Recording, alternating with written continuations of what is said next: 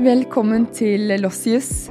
Sex er tema for den tredje episoden av Lossius, og ukens gjester er tidligere Playboy-modell Lillian Müller, tantralærer Elin Enger og lege Siri Dalsmo Berge. Lossius det er talkshowet om de viktige tingene i livet, hvor jeg inviterer tre gjester inn i studio for å bli litt klokere på nettopp de viktige temaene. I dyrtid og en usikker verden er det samtalen som bringer oss nærmere hverandre og ukens tema, sex, er absolutt et tema verdt å snakke med andre om. Og episoden den avsluttes med en fantastisk nydelig låt av Nils Beck. Lillian Müller er den mest fotograferte Playboy-modellen noensinne og ble kåret til Playmate of the Year. Hun bor i USA og er aktuell med podkastdokumentaren Lillian. Lillian er nå 72 år, og jeg har lurt på hvordan sex er gjennom et langt livsløp. Elin Enger er forfatter av boken Lyst, som kom før sommeren, som handler om tantra i livet og i sex. Og er tantra for alle? Siri Dalsmo Berge er lege og ga nylig ut boken Bruksanvisning for hverdagssexen. Hvorfor er hverdagsligging så viktig, egentlig? Og før episoden begynner, husk å rate og kommentere Lossius. Det er fort gjort, men det betyr uendelig mye for meg. Og del også podkasten med en eller flere du er glad i. Og så sjekker du bare shownotes for aktuelle lenker. God lytt!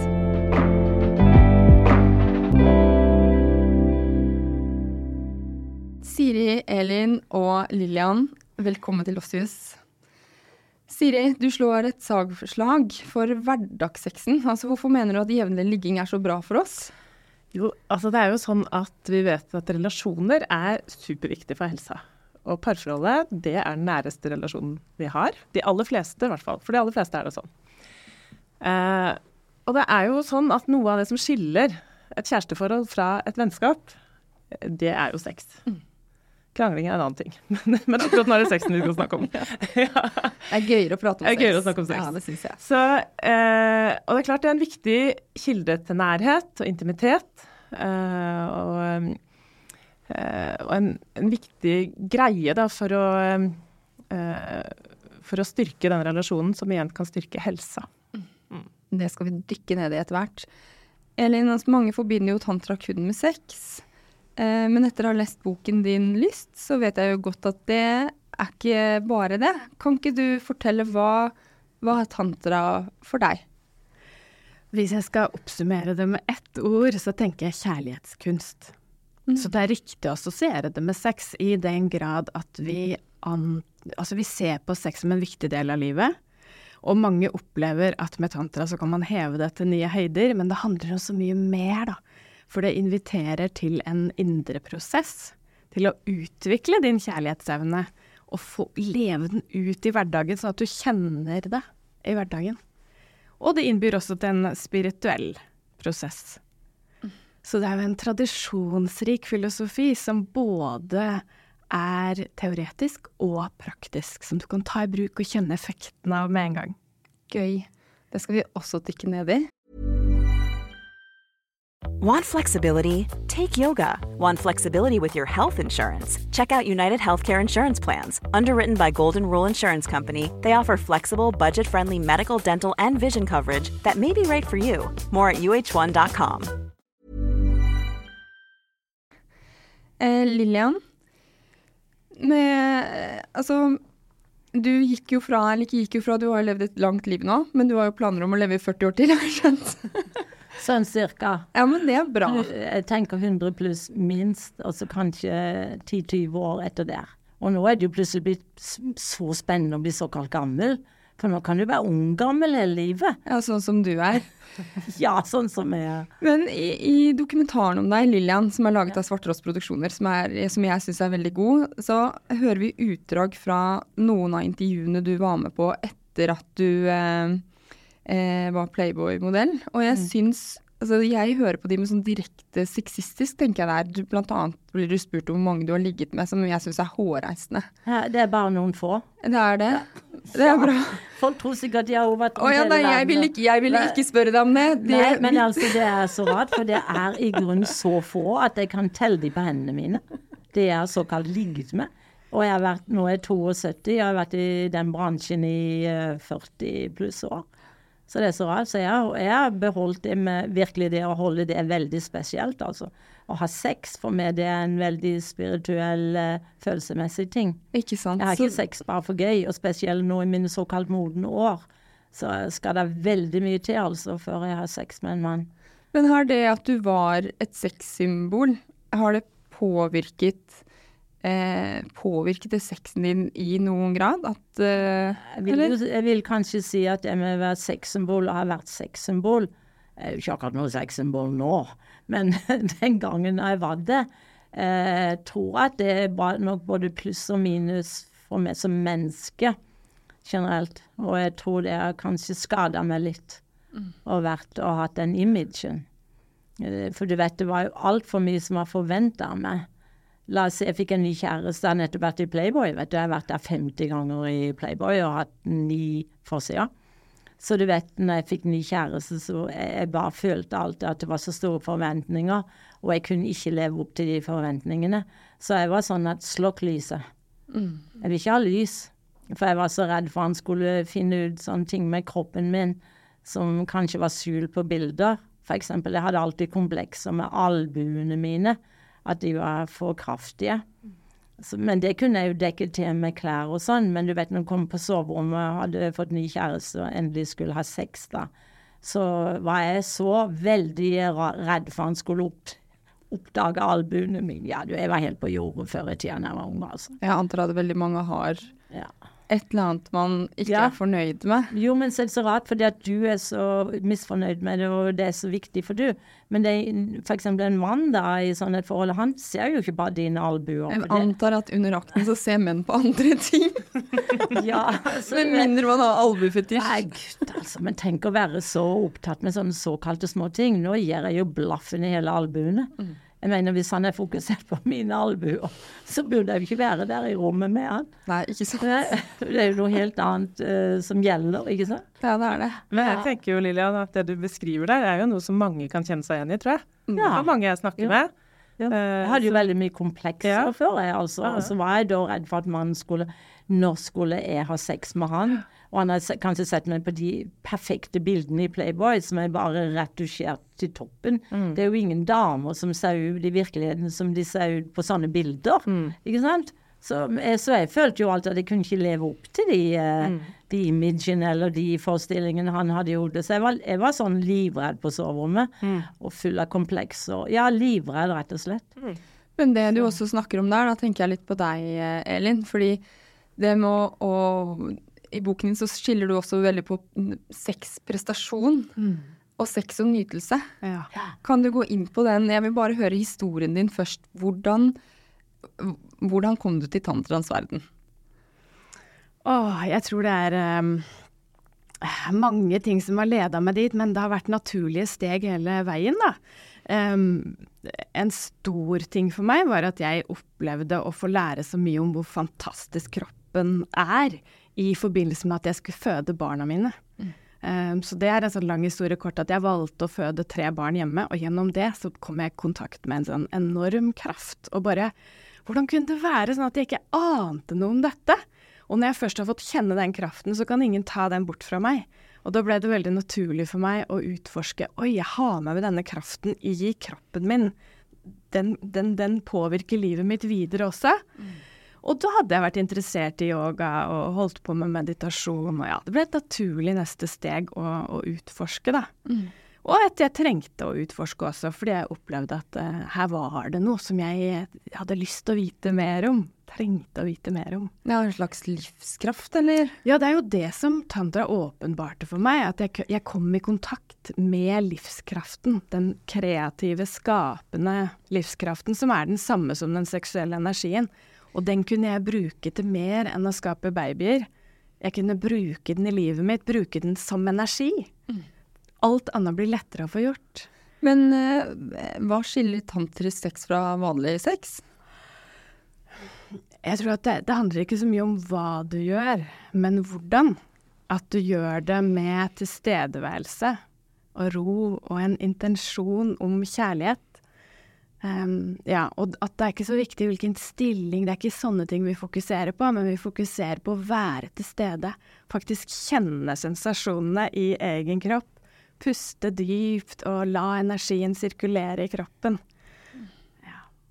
Det, nå er mulig jeg graver for mye, men du skriver jo om multiorgasmer og sånn, så hvordan kjennes det ut? Altså, for du har en sånn graf òg. Vanlig orgasme rett opp og ned, mens multiorgasme er mer sånn Greier du å beskrive det for oss? Jeg tenker jo at her er det ikke noe fasit, ikke sant. Her vil forskjellige kropper kjenne forskjellige ting.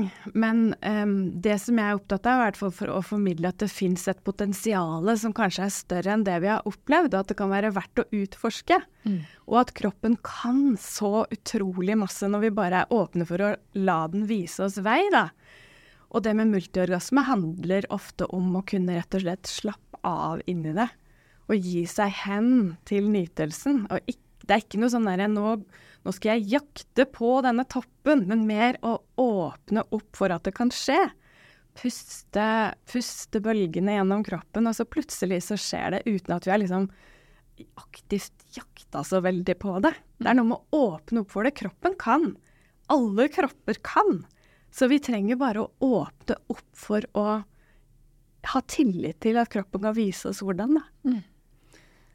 Hva når du eh, får sånn fortvilte par, eller eh, ikke par, si, på legekontoret ditt. Det er en grunn til at du skrev bruksanvisning for hverdagssexen, fordi folk trenger tydeligvis det. Hva er det vi syns er vanskelig? Du, det er jo mye forskjellig, men eh, det jeg ser for en del, er jo at en kommer inn i et mønster og så er det kanskje ikke det mønsteret man egentlig har lyst til å være i, men så tenk, klarer man ikke å tenke som at det kan være annerledes. Um, du, men sånne konkrete problemer, mm. det er kanskje dit du vil, nei, nei, nei. som, som, folk eh, kommer med. Det er jo eh, Mange kommer jo med at de skulle ønske at de hadde mer lyst. Mm. Det er jo en del som kommer, kommer med spørsmål om liksom, hvordan, hvordan, kan jeg få mer lyst. Eh, andre har problemer med eh, at de ikke blir våt nok, eller at en ikke får ereksjon nok. Eh, og det kan være problemer med å oppnå orgasme, og noen ganger så handler det jo også om eh, Det kan handle om sykdommer eller medisiner og sånt som påvirker, men det kan også være Jeg får også mye spørsmål som, eh, som ikke handler om medisiner eller sykdom, mm. for å si det sånn. Som handler om det vanlige. Og kanskje også veldig mange eh, yngre ja, nå kan vi godt trekke det ung-begrepet ung, ung ganske langt. men, men uh, som, som, kommer rett og slett bare og lurer på om de er normale. Ikke sant? Ser jeg, ser jeg normal ut? Er det sånn underlivet, type? Underlivet, typer, eller, ofte ja. er det underlivet det handler om. Ja. Er det sånn det skal være? Ja. ja. Uh, det er mange som lurer på. Men ikke, varierer ikke det like mye som fingeravtrykka? Jo, det gjør det. Så de fleste altså, Så du tar en titt og sier dette er normalt? Jeg tar en kikk. Og jeg kan si at jeg har sett mange hundre før. Ja. så, så, jeg har et godt sammenligningsgrunnlag. Eh, og folk er jo ganske normale. Ja. Men eh, stress, altså for, eh, du, når du snakker om å åpne opp, ikke sant. Og så snakker du Lillian litt om at du var sånn eh, stresset for komplekser eller at det Men hva Jeg tenker i eh, Altså stress er jo veldig mange som er mm. i det moduset. Tenker mm. på hva man skal gjøre. Ja. Jeg kjenner meg selv. Jeg har alltid en lang to do-liste med tre barn. Mm. What to do next? Alltid noe. Mm. Og det er jo som en ganske grei brems for at du har lyst til mm. å ligge litt. Hva, hva, er dine råd da? Det første er jo også å bli klar over de bremsene. Mm. tenker jeg For mange er det det viktigste å starte der og, og vite at det er noe som bremser. At det ikke nødvendigvis er sånn at ikke de ikke har mulighet til å få lyst. Ikke sant? Det er ikke sånn at evnen er borte, det er bare at det er så masse annet som forstyrrer. Mm. Uh, så det å bli, bli, bevisst sine egne bremser tenker jeg er ganske viktig. Uh, og da har du kommet til et ganske langt steg. Og når man vet om det, da må en jo velge om en vil gjøre noe med det, og hva en vil gjøre, og hva en kan gjøre for å Du kan alltid klare å ta de helt bort, men kanskje en kan eh, gjøre de litt mindre sterke, litt svak, altså gjøre bremsene litt svakere, eller man mm. kan legge det litt til side i noen sammenhenger. Og så er det litt forskjellig hva man trenger da, for å få ned, eh, eh, få ned bremsen. Mm. Eh, noen trenger å gjøre en jobb med seg sjøl, andre trenger litt hjelp fra partner. Det, og det kan være praktiske ting, det kan være mer emosjonelle ting eh, som er litt større jobb. Ja, typ sånn litt ulike veier inn i intimiteten òg, da. Ja, Ja. Du snakket jo på en Instagram-post, tror jeg, at eh, noen syns at det er eh, ordentlig bra vorspiel hvis mannen støvsuger. Ja. Ja. Det er faktisk eh, noen som har forska på det. ja. Og sett at uh, i heterofile par, Ja. uh, parforhold, der uh, altså de mennene som er i heterofile parforhold og gjør mye husarbeid, de har mer sex. Å ja. Ja. Så rett og slett fram med vaskekluten for å Det kan være effektivt. gjøre andre ting Det etterpå. kan, det kan være strategisk grep. Det er jo ingen overraskelse. Det, vi, altså, det henger jo sammen med resten av livet, ikke sant? Skape gode hverdager som vi trives i, Ja. det vil legge til rette. ja, for det er jo ikke isolert fra, fra, fra resten av verden. Men jeg tenker på deg, Lillian. Du er jo 72. Du har levd eh, et lite liv. Men når du var ung, da, altså hvordan pratet jeg er dere om. Ja, ja. Det vet jeg. Men når du hadde biologisk alder 16 og var 24, for eksempel, Nei, eller når du bodde hjemme, hvordan, hvordan altså, i Men jeg skal bare si deg noe her som er, er sannheten om min ungdom. Det var i 20 år, har fotografert fra Playboy stadig vekk. Og jeg, første, ja, jeg tenkte på før det. Før deg, Ja, ja jeg tenkte på når du vokste opp, så lurte jeg på hvordan Jeg begynte da jeg var 16 å være aktiv seksuelt. Ja, det tenkte jeg. Ok. Ja. Mhm. Men hvordan pratet dere om det? For jeg vil anta at samtalen mellom 16-åringer på den tiden er kanskje annerledes enn måten 16-åringer eller er, blir eksponert for sex nå. Så hvordan fikk du vite om Altså hvordan prata dere om sex i venninnegjengen f.eks. når du var uh, Jeg tror ikke i grunnen eh, vi diskuterte så veldig. Jeg husker i hvert fall det at jeg leste et blad som heter Romantikk. Og så når jeg leste det bladet, der, og så var det et annet blad her i Norge som heter Det Sanne. Så aldri, de andre gamle kjerringene her i Norge som er min alder, de kan sikkert huske de bladene. Spesielt juleromantikk. Det var veldig Og jeg bare husker jeg fikk de følelsene jeg leste de storyene, og det var litt sånn sexy storyer og romantikk. Så begynte det liksom å krible i meg. Og så ble jeg liksom sånn merkelig følelse. Så da jeg fikk min første kjæreste på Hårnes gymnas, jeg, kappa den kjekkeste gutten, høy, mørk en med blå øyne. Da var jeg 16, og han var 18. Han, var, han skulle gå ut på gymnaset, jeg var nettopp begynt. Og når jeg skulle da først ha sex med han, det er veldig forskjell fra nå i mine eldre dager, eller modne når jeg ble såkalt moden da, at jeg var så veldig følsom. Han kunne bare ta på meg, så ble jeg som gelé i knærne. Altså, jeg var så mottagelig da, vel kanskje det ordet jeg kan bruke. For da hadde jeg jo ikke blitt eh, eh, skada på noen måte seksuelt. Jeg var jo helt i begynnelsen av mitt seksuelle liv, ikke sant. Også i forhold til f.eks. For når jeg var i 40-åra, etter at jeg hadde fått min datter og sånn. Fy søren, da var det mye mer som skulle ti, til før jeg følte med kribling og gelé i kneet og alt. Så jeg tror det at når du er helt ung og sånn, så er du så mye mer mottagelig, for da er du så i øyeblikket. Og du, du har ikke blitt skada av livets erfaringer, ikke sant? Så det var veldig annerledes den gangen der. Men jeg vil bare si, når jeg, ble Playboy-jente og alt det her, at eh, du, jeg faka hver orgasme, altså. For jeg, jeg følte at jeg strekte ikke til. Og det var jo, skulle jo vært helt motsatt. Plutselig er du en verdenskjent sexsymbol, ikke sant. Og kommer i aviser fordi du er sexy. Og så da følte jeg meg ikke sexy i det hele tatt. og bare følte jeg på soverommet, da måtte jeg prestere. Fordi at jeg hadde vært i Playboy så mye, og folk hadde en mening, og mannfolka hadde en mening om meg, da. Tenkte seg sikkert den sexmaskinen, vet du. Og så var jeg ikke i grunnen noe sexy i det hele tatt, og følte meg i grunnen ikke noe sexy. Jeg var langt fra det du kan kalle sexmaskin. Så jeg bare faka det, kan jeg huske, sånn at jeg kunne få det overstått. Sånn at jeg kunne spise middag eller noe sånt. Nå det var mer interessant for meg å gå og spise middag Og det høres jo med kjæresten min eller ha sex med han. Så da høres jo ikke bra ut. Nei, jeg tror jeg var begynt å bli litt skada av den imagen min og den jobben min. Å være sexsymbol, altså. Det var hardt å være sexsymbol. Ja, det vil jeg tro. Altså, det er både hardt arbeid, men pluss at man Hardt blir jo et eh, objekt.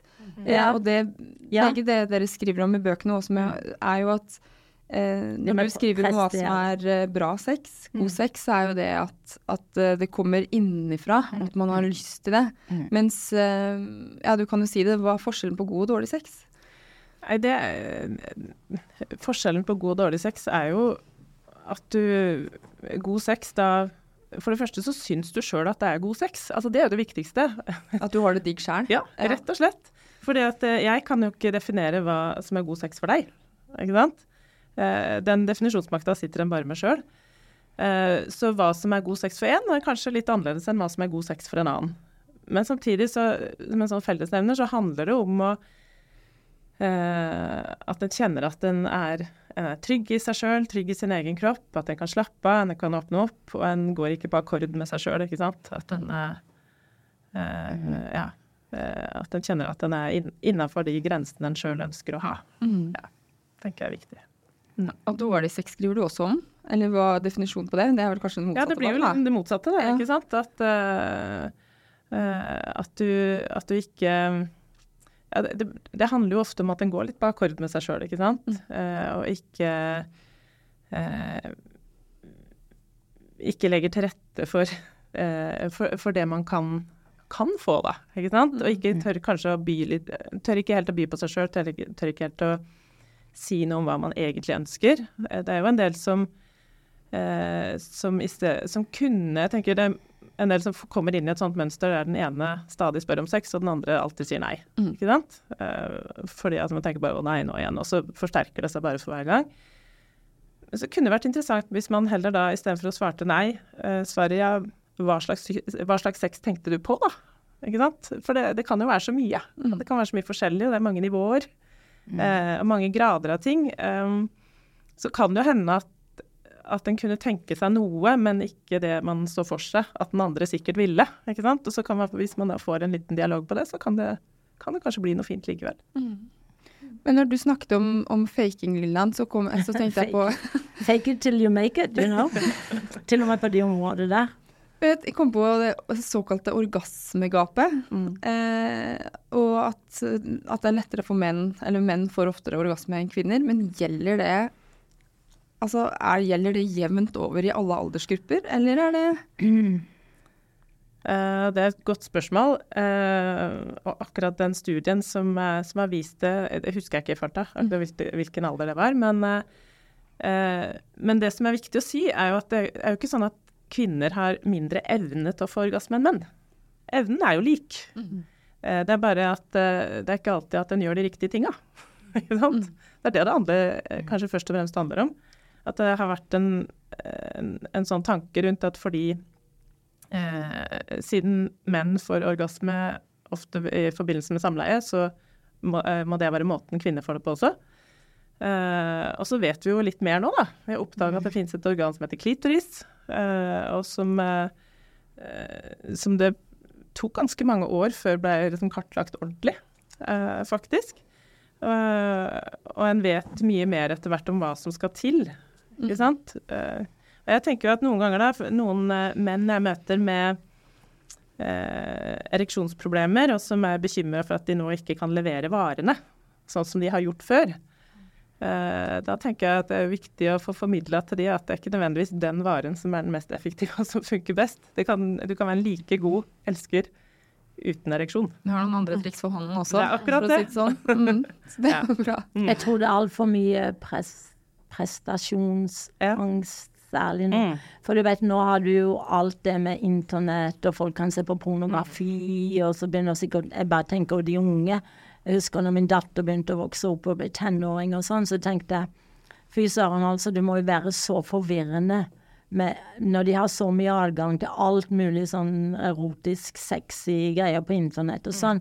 Hvordan får du til et ordentlig forhold i dag som, er, som inkluderer sex, men som er basert på kjærlighet? Og ikke bare det også at en ser pen ut. Og jeg mener, nå for tida nå kan jo alle gå og kjøpe utseende hos legen. Vil de se ut som en Barbie-dolle, så, så har de, hvis de har penger nok, så kan de jo bare kjøpe utseendet sitt. Ja, det er jo akkurat det du sier, altså, at mange får et veldig skeivt bilde av hva Jo. som er normalt, og hva som Men med sånne filmer være, ja. og sånne greier som folk har adgang til å se. For det skal jo det med sex, for hvert meg nå i mine eldre dager og modne dager, så er det jo Nå er det jo liksom åssen jeg skal klare å uttrykke kjærligheten for mannen. Før var det jo ikke det, liksom. Det med kjærlighet. Det kom liksom ikke Det var bare sånn gøy sex. Gøy. Nå er det jo Nå for meg seksuelt så er det alt det, det er Nå er det noe sånn virkelig uttrykke kjærlighet til det mennesket. Som jeg skal da prøve å uttrykke gjennom en seksuell akt.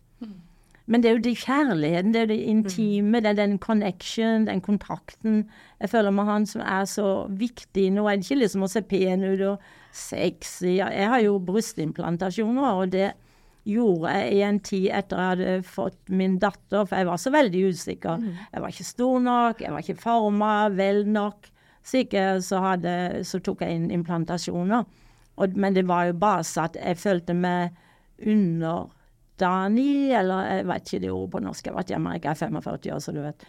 Men uh, nå er det liksom uh, Ja, hvis det You know, if I'm not good enough, you know, just go to hell.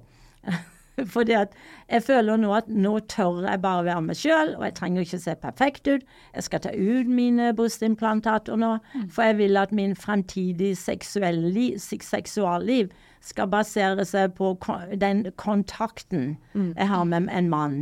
Og den der, der fantastiske kontakten som er så viktig, og det intime mellom oss. Jeg har jo ikke noe med å si åssen jeg ser ut. I det hele tatt. Og der tenker jeg bare om å kaste rett til deg, Ellen. Du sitter og nikker og nikker og nikker.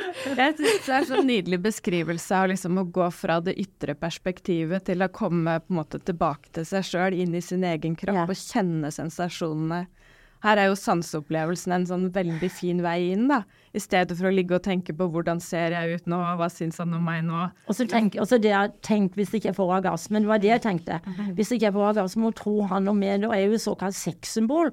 Og vil han tro med da, hvis ikke jeg klarer å få orgasme? Og når jeg tenkte at jeg ikke klarer å få orgasme, da fikk jeg ikke. Så da faka jeg det. Ja, ikke sant. Og så tenker jeg at det viser også eh, på en måte en, en, en ganske begrensa forståelse av hva orgasme er. At hvis vi kan åpne opp for at det kan kjennes Jeg må lese boka di. Men da er jeg plutselig blitt interessert i tantra. Så jeg har hørt om det før og lest litt, men absolutt ikke noe, er ikke noe spesialist på noe sånn eh, avansert sex. Men den, jeg synes, syns eh, Vi snakket om litt før opptak at jeg syns eh, Den heter jo Lyst, og den, den er veldig nedpå. Man kan jo tenke at tantra er helt fallout, men jeg, jeg syns ikke boken din var i hele tatt det. Den handlet mye om eh, nytelse, det nære, det å være i kontakt med seg selv og egne følelser, ikke sant. Og sin egen hvem man er som person. Mm, absolutt. Ja, og det begynner med forholdet til deg sjøl. Med å vise kjærlighet til deg sjøl med en, en raus og vennlig Aksepter, indre aksepter dialog. Ja, at du er god nok. ja. Og, vi, og la det komme til uttrykk med måten du snakker til deg sjøl gjennom dagen, og at du faktisk prioriterer dine behov. Lager deg gode dager. Dere så jenter. kommer de gode nettene. Det er så viktig, og jeg må få frem her, det er så viktig at dere vet å bli såkalt eldre. Er ikke noe sånn skummelt, ekkelt. Det er ikke bare det at du får noen rynker og noe grå hår, men du, du begynner å bli mye mer selvsikker på hvem du virkelig er, og hva du har å tilby en mann, verden, karriere eller hva. For meg så har det blitt så bra å bli eldre. Og så har det vært så viktig for meg å ikke ta plastikkoperasjoner i ansiktet mitt. At jeg går rundt med de rynkene jeg har. Jeg sprøyter ingenting, jeg løfter ingenting. Og det er en virkelig del av min nåværende selvsikkerhet. At jeg kan være sånn som jeg, jeg har mye arr i ansiktet, jeg rynker, ikke sant, kaller arr, ikke sant, det har levd. Og da finne en mann som syns du er nydelig og pen med de arrene. Det har vært en veldig uh, fin utvikling for meg. Og jeg er mye mer selvsikker seksuelt i dag eller jeg var i mine Playboy-år, der jeg var sikkert mye mer det du kaller fysisk perfekt. Du hadde jo ikke noe, for du trente, ikke sant, og så var du ung på toppen av det hele. Nå er jeg 72, jeg trener fremdeles. Men jeg har sikkert noen arr. Jeg har ikke sett det i det siste da på kroppen min. Men det finnes jo sikkert. Men nå syns jeg sex er mye gøyere. Men Og så trenger jeg ikke fake orgasmer. Det handler jo ikke om utseendet heller. Nei, Men uh, du, du snakket noe om å bli eldre, for uh, Det er så gøy å bli eldre, folkens. Det er veldig bra du Ja, men det er bra. Det er en sjanse. Er det ikke sånn at man, Det skriver du i boken om, eh, Siri, at, eh, at folk piker når de er 55. Du er jo på den biologiske alderen der, så det passer jo bra. Men det var noe med at da er man er mest tilfreds med, med Ja. livet sitt. Hvorfor det? det? Er, altså det er jo mange, noen som har spurt, masse folk. Ja. Når opplevde du å liksom være på å få optimal sex? Og gjennomsnittet der var 55 år. Jeg tenker 70, ja. Ja, ikke sant?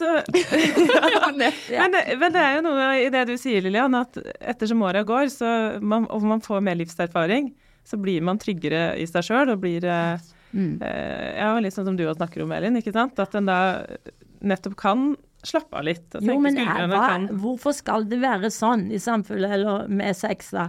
At du føler deg så pressa til å få orgasme. Herregud, kan du ikke ha god sex fordi ikke du får orgasme, da? Det der jakten på orgasme, og i alle dager, er det Det er jo ikke det det handler om heller. Det er ikke Selv om det. det føles godt fysisk og psykisk og spirituelt sikkert å få en god orgasme, men det er jo ikke det er jo ikke, jeg er ikke ute etter det, jeg er ikke på jakt etter det. Jeg, er å få, jeg vil ha så god kontakt med partneren min som overhodet er mulig, og da uttrykker jeg det der og da gjennom den seksuelle akten. Men Det er jo for å komme nærmere partneren min. Da Men tenker det er jeg du har funnet en kjempenøkkel, Lillian. Jeg tror faktisk det. det Ja. ble bare, jeg gleder meg nå til jeg er 82. Og så er jeg 92, og så er det 102. blir bare bedre og bedre. Hvis vi kan legge vekk jakten på det målet, da, så Ja. åpner vi opp for å kjenne så mye mer her i øyeblikket. Ja, så du tenker, Hvis man tenker eh, altså bare det å sette seg med et mål, så kan man ofte bare bli så Glemmer at prosessen Ja, egentlig er ikke sant? vel så viktig som målet. Ja. Så hvis man eh, Du slår et slag for da for at, eh, at man dropper å tenke på 'nå kommer orgasmen snart', men heller bare ja, absolutt. nyte. Let it go. Og nyte, og faktisk være til stede for å kjenne nytelsen underveis. Da. Og det paradoksale er jo at da kommer jo orgasmen ofte lettere av seg sjøl. Men at vi kan legge vekk at det er liksom dit vi skal. Og heller være underveis. Ja. Og så når vi kombinerer det med en utvida forståelse av kroppen, at vi kan kjenne mer enn bare begrensa i underlivet. At vi kan kjenne hele kroppen. ja, for du snakker jo om brystorgasme Ja. og, og Jeg har aldri hørt om bedre jenter, altså. Da, Nå, da må du, må du lese nå må jeg lese boka. Men eh, fortell. Jeg tenker at bare, bare ved mentalt å åpne opp for at oi, kanskje det er mer for meg å kjenne hvis jeg ikke fokuserer all oppmerksomhet i underlivet, men hm, hvis stedet er til stede med sanseopplevelsene. Hva lukter jeg, hva kjenner jeg, hva kan jeg kjenne på huden? Hvordan er varmen? Eh, de vakre synsinntrykkene. Være til stede med kjenne kontakten mellom partneren. Der Det er jo rene meditasjonen du Ja, snakker det om. skulle jeg til å si. Men det er å elske som en meditasjon. Ja, se. Mm. Jeg er så glad jeg er her i dag, jenter. Jeg, jeg føler jeg får opplæringen. Nå kan jeg virkelig begynne å få god sex ne neste gang jeg skal være aktiv. Jeg syns at du er inne på kjempeviktige poenger også med intimitet. Jeg blir så inspirert av ordet 'intimacy' på engelsk. Intimacy. Yes. Ja, altså i forhold Bryte opp det ordet 'into me see'. Altså å la Ja. deg få se meg, og våge å åpne opp. Mm. Ja, for det er noe veldig sårbart òg, ikke sant. Altså hvis man er i prestasjons... Eller Ja. ikke Nei, det, var- jeg, jeg begynner på nytt. Det er noe Ja. veldig sårbart å la partneren se og ha sex med noen. Fordi du er på ditt mest nakne, på ditt mest sårbare. Mm. Eh, og man kan komme med lyder, eller altså Det er jo veldig, veldig eh, Ja, det er veldig sårbart, men det er også potensial for å være så helende. Hvis Ja. du kan være så til stede med et annet menneske og vise deg som du er, Mm. og bli elska og elske, ikke på tross av det, men nettopp i kraft av at du er som du er, at du er akkurat der til stede med dette mennesket så intenst der og da, så er jo det utrolig sterkt. Og det Ja. kan komme lyder, det kan også komme følelser. Og innafor seksualiteten da, så ligger det et enormt rom for å hele. For hvis man kan la de følelsene komme opp og bli akseptert og elska gjennom det, la det få rom, puste det større. Bare gi det, gi det tid, og la det få være der mellom dere uten at man må fikse det eller få det til å gå bort eller dysse det ned. La følelsen komme. Så vips, så kan den transformeres gjennom den opplevelsen. Og så bærer dere da et helt unikt bånd mellom dere etterpå, når dere har opplevd det sammen. Mm. At man kan gråte sammen, man kan la følelsene komme opp. Vi har plass til det, vi kan romme det.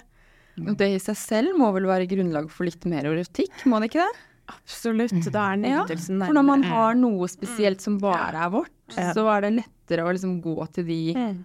Eller? Ja, og det er jo den, altså, den nærheten og tilknytninga som, som mange er ute etter sånn egentlig. De bare Ja. tenker seg litt om, ikke sant. Eh, og, og i forhold til det å ha sex med en annen, eh, så er det jo nettopp det som, som er det spesielle med det. ikke sant? Det at du får den, kjenne på den nærheten og den uh, tilknytninga. Jeg skal bare fortelle deg en annen hemmelighet, ikke si til noen.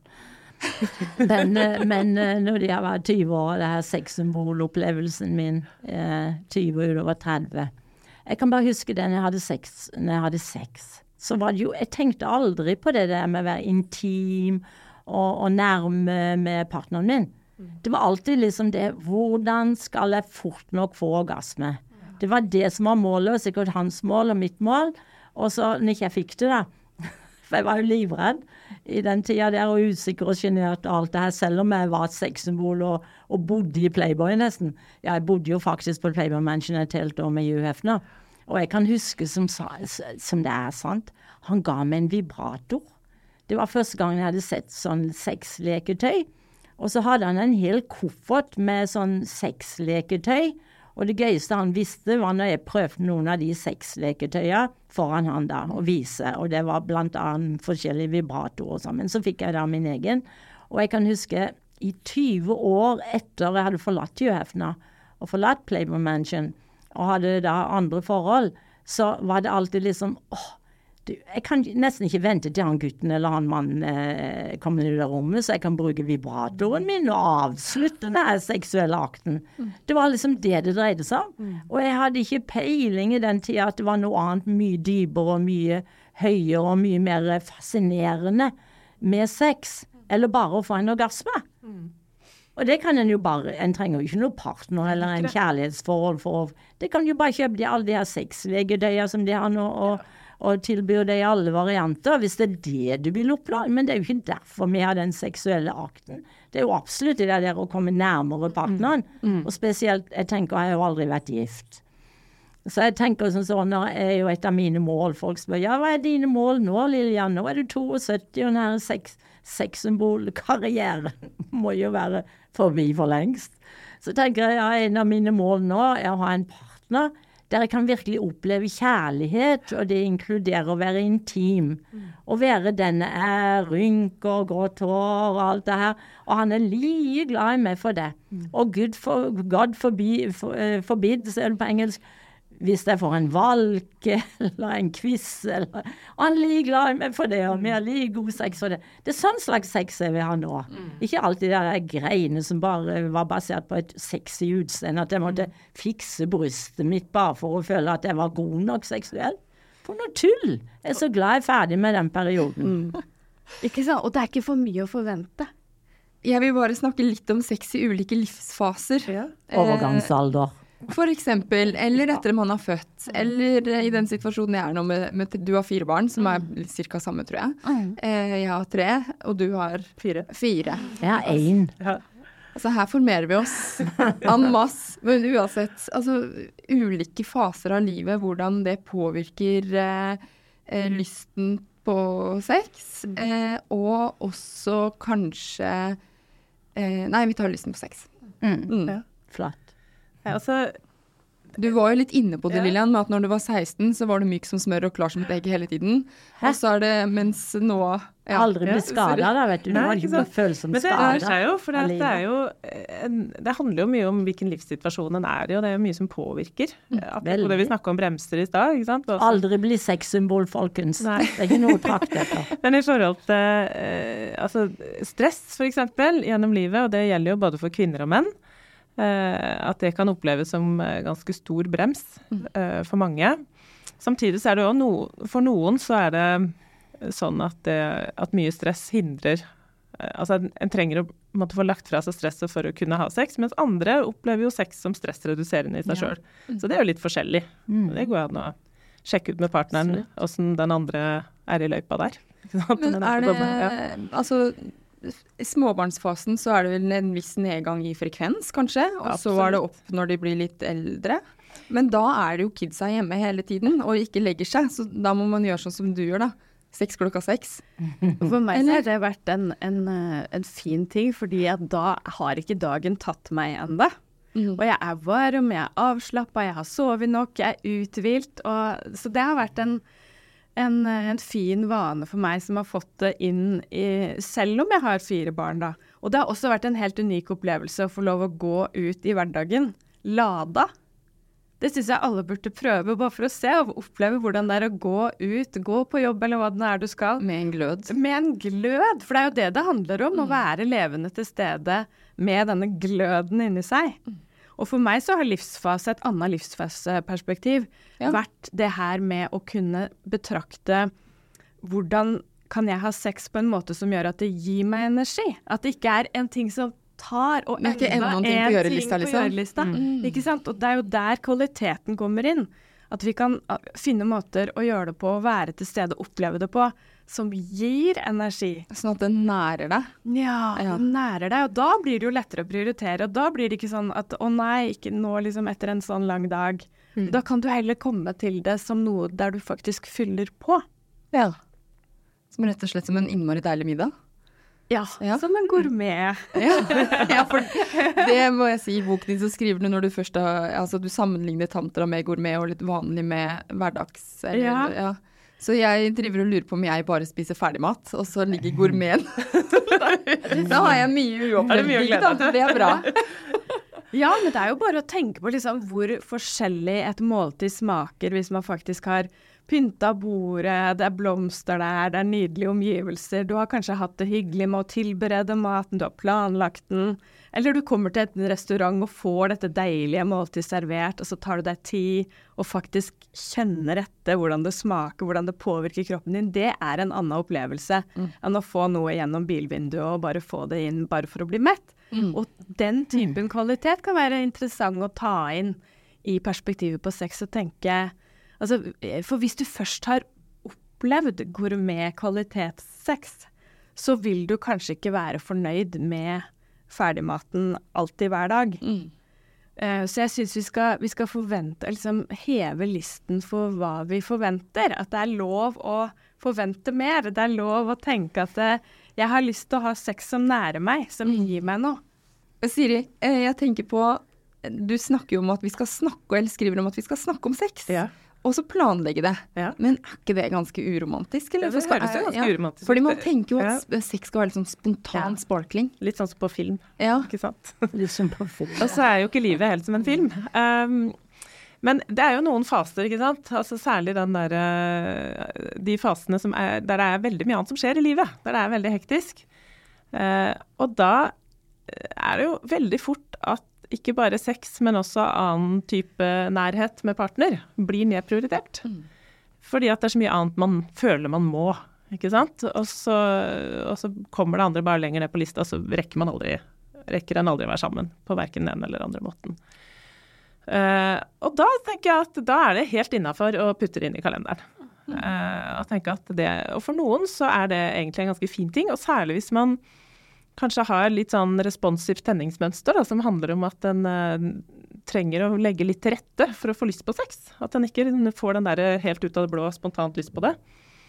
Uh, da kan det ofte være litt fint å vite at ja, da og da uh, skal vi ha sex, og da kan jeg liksom glede meg litt til det, jeg kan forberede meg litt, jeg kan gjøre det jeg trenger for å få ned bremsene i tide, eh, og bli, bli klar, ikke sant? Men så er det også noen som syns at det der blir litt stress. Å skulle planlegge det, og da er det det med prestasjon igjen, ikke sant? At en føler på litt sånn prestasjonspress. Må være klar klokka sju. Ja, og hvis Ja. ikke jeg da leverer, så blir det dårlig stemning. Ja. sant? Ja. Ja. Så, så det å eh, Det tenker jeg, En må jo finne litt ut av det som par, om det er en måte som funker. Eh, Men jeg tror det kan funke for flere enn de som gjør det. Man kan jo det teste det. Man kan prøve det. Ja. Eh, og så er det jo mange som syns det der å skulle snakke om sex, som du også tok opp, eh, fort kan bli en litt sånn klein greie. Ikke sant? Det er ord man ikke er så vant til å bruke. Eh, en prøver seg litt fram, men kan bli litt usikker og redd for at en skal si noe som den andre syns er helt vilt, kanskje, eller at den skal høres enten for prippen ut eller for voldsom ut, eller hva det nå måtte være. Eh, så det, det er det jo en del som syns er litt vanskelig. Eh, og det syns jeg ikke er så rart, da. Men, eh, men da går det an også Særlig hvis, hvis du har en partner da, som syns det der er vanskelig, og du merker at partneren strever litt når en skal snakke om dette her, eh, så går det an f.eks. også å stille noen spørsmål med alternativer, sånn at den andre bare kan si ja eller nei. Ikke sant? Eller kan velge mellom eh, det eller det eller det alternativet. For det, det er ikke så eh, vanskelig. Da trenger en ikke komme med de her orda og sånne ting. Så det å bruke noen sånne triks da, til å få til å, å snakke om det, og kanskje også snakke litt om hvor ofte en ønsker sex, eller når, ikke sant? Jeg har et godt triks. og sånn. jeg. får høre. fortelle. Jeg har et godt triks. Jeg, jeg oppdaga det for mange år siden, at eh, eh, når jeg skulle ut og spise middag med en mann, og vi, hadde noe, vi visste at det skulle skje noe etterpå da, så fant jeg ut faktisk det, at vi var ute og spiste middag først, og så hadde vi kanskje forrett og middag, dessert og alt det her. Når jeg ble så full i maven av all den ma maten. Så når jeg kom hjem og skulle ha sex Jeg hadde søren ikke lyst på sex i det hele tatt. Maven når jeg, sto inn, når jeg skulle ta en dusj før vi skulle legge oss altså, Husker jeg hadde sånn speile som jeg kunne se meg bak og foran, og så var det dårlig belysning av og til og sånne ting. Og så akkurat etter et stort måltid så var maven søren meg større enn bakenden min. Jeg, Altså når jeg slapp av maven min da, i profil. Så, og det gjorde at jeg hadde ikke lyst på sex. Så jeg fant ut at det som funka, var sånn Altså nå snakker jeg om litt sånn dyriske følelser, litt animalske følelser og, og sånn da. Ja. Sånn. Det er jo noen som liker å ha det sånn. Og så jeg, jeg liker litt sånn. You know, virkelig ha den lysten. Du var skrev bok om lyst, ikke sant. Og så fant jeg da ut at du, vi har sex først, før vi går og spiser middag. For da, da var jeg mer sulten i meg. Generelt. Jeg var mer sulten. Jeg var bare sulten, inkludert jeg hadde lyst på han mer. Istedenfor å gå på en kafé eller restaurant og så fylle opp matmenyen med mat og drikke og ditt og datt, og så komme hjem og så være så mett. Så var det akkurat som sexlysten var gått vekk.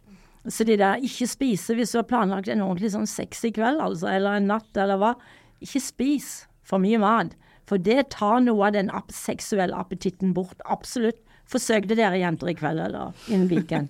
Og se hva dere finner ut av etter det. Eller så er- Lyst, ikke sant? Jeg bare tenker på det med animalistisk. sex eh, Jo, men ærlig talt, altså. Ja, helt Vi har jo Mm, det er noe der. Ja. Men jeg tenker at vi egentlig nærmer oss slutten. Jeg vil bare at Og er det alt avslutnings- slutt? Ja, det, det har er det. begynt å lære ting og triks. Som jeg skal kjøpe en ny bok som heter Lyst. Da er det har på sånn er tapeten nå, altså. Men Elin, jeg har bare lyst til at du skal få avslutte med hvordan forholder man seg til livet til en litt sånn tantrisk måte? Fordi det her vi snakket litt om at sex er ikke atskilt fra livet, ikke sant? Det er jo en del av livet. Så hvordan eh, Forskjell på deg før og etter, altså hvordan forholder du deg til livet mer nå? Og jeg tror en av hovedforskjellene er at jeg har en mer sånn raus aksept. Både til meg sjøl og til andre og til verden. At jeg, ja, at jeg er flinkere til å behandle meg sjøl med kjærlighet, og forhåpentligvis eh, så merker omgivelsene mine det òg. For når jeg har dette gode forholdet til meg sjøl, og liksom snakker til meg sjøl som jeg gjør til barn og til eh, gode venninner, så, så er det lettere at vi liksom er på lag. og da blir det lettere å flomme over med kjærlighet til andre også, da. Nydelig. Tusen takk for at dere kom i studio, alle sammen. Takk for Tusen takk til du.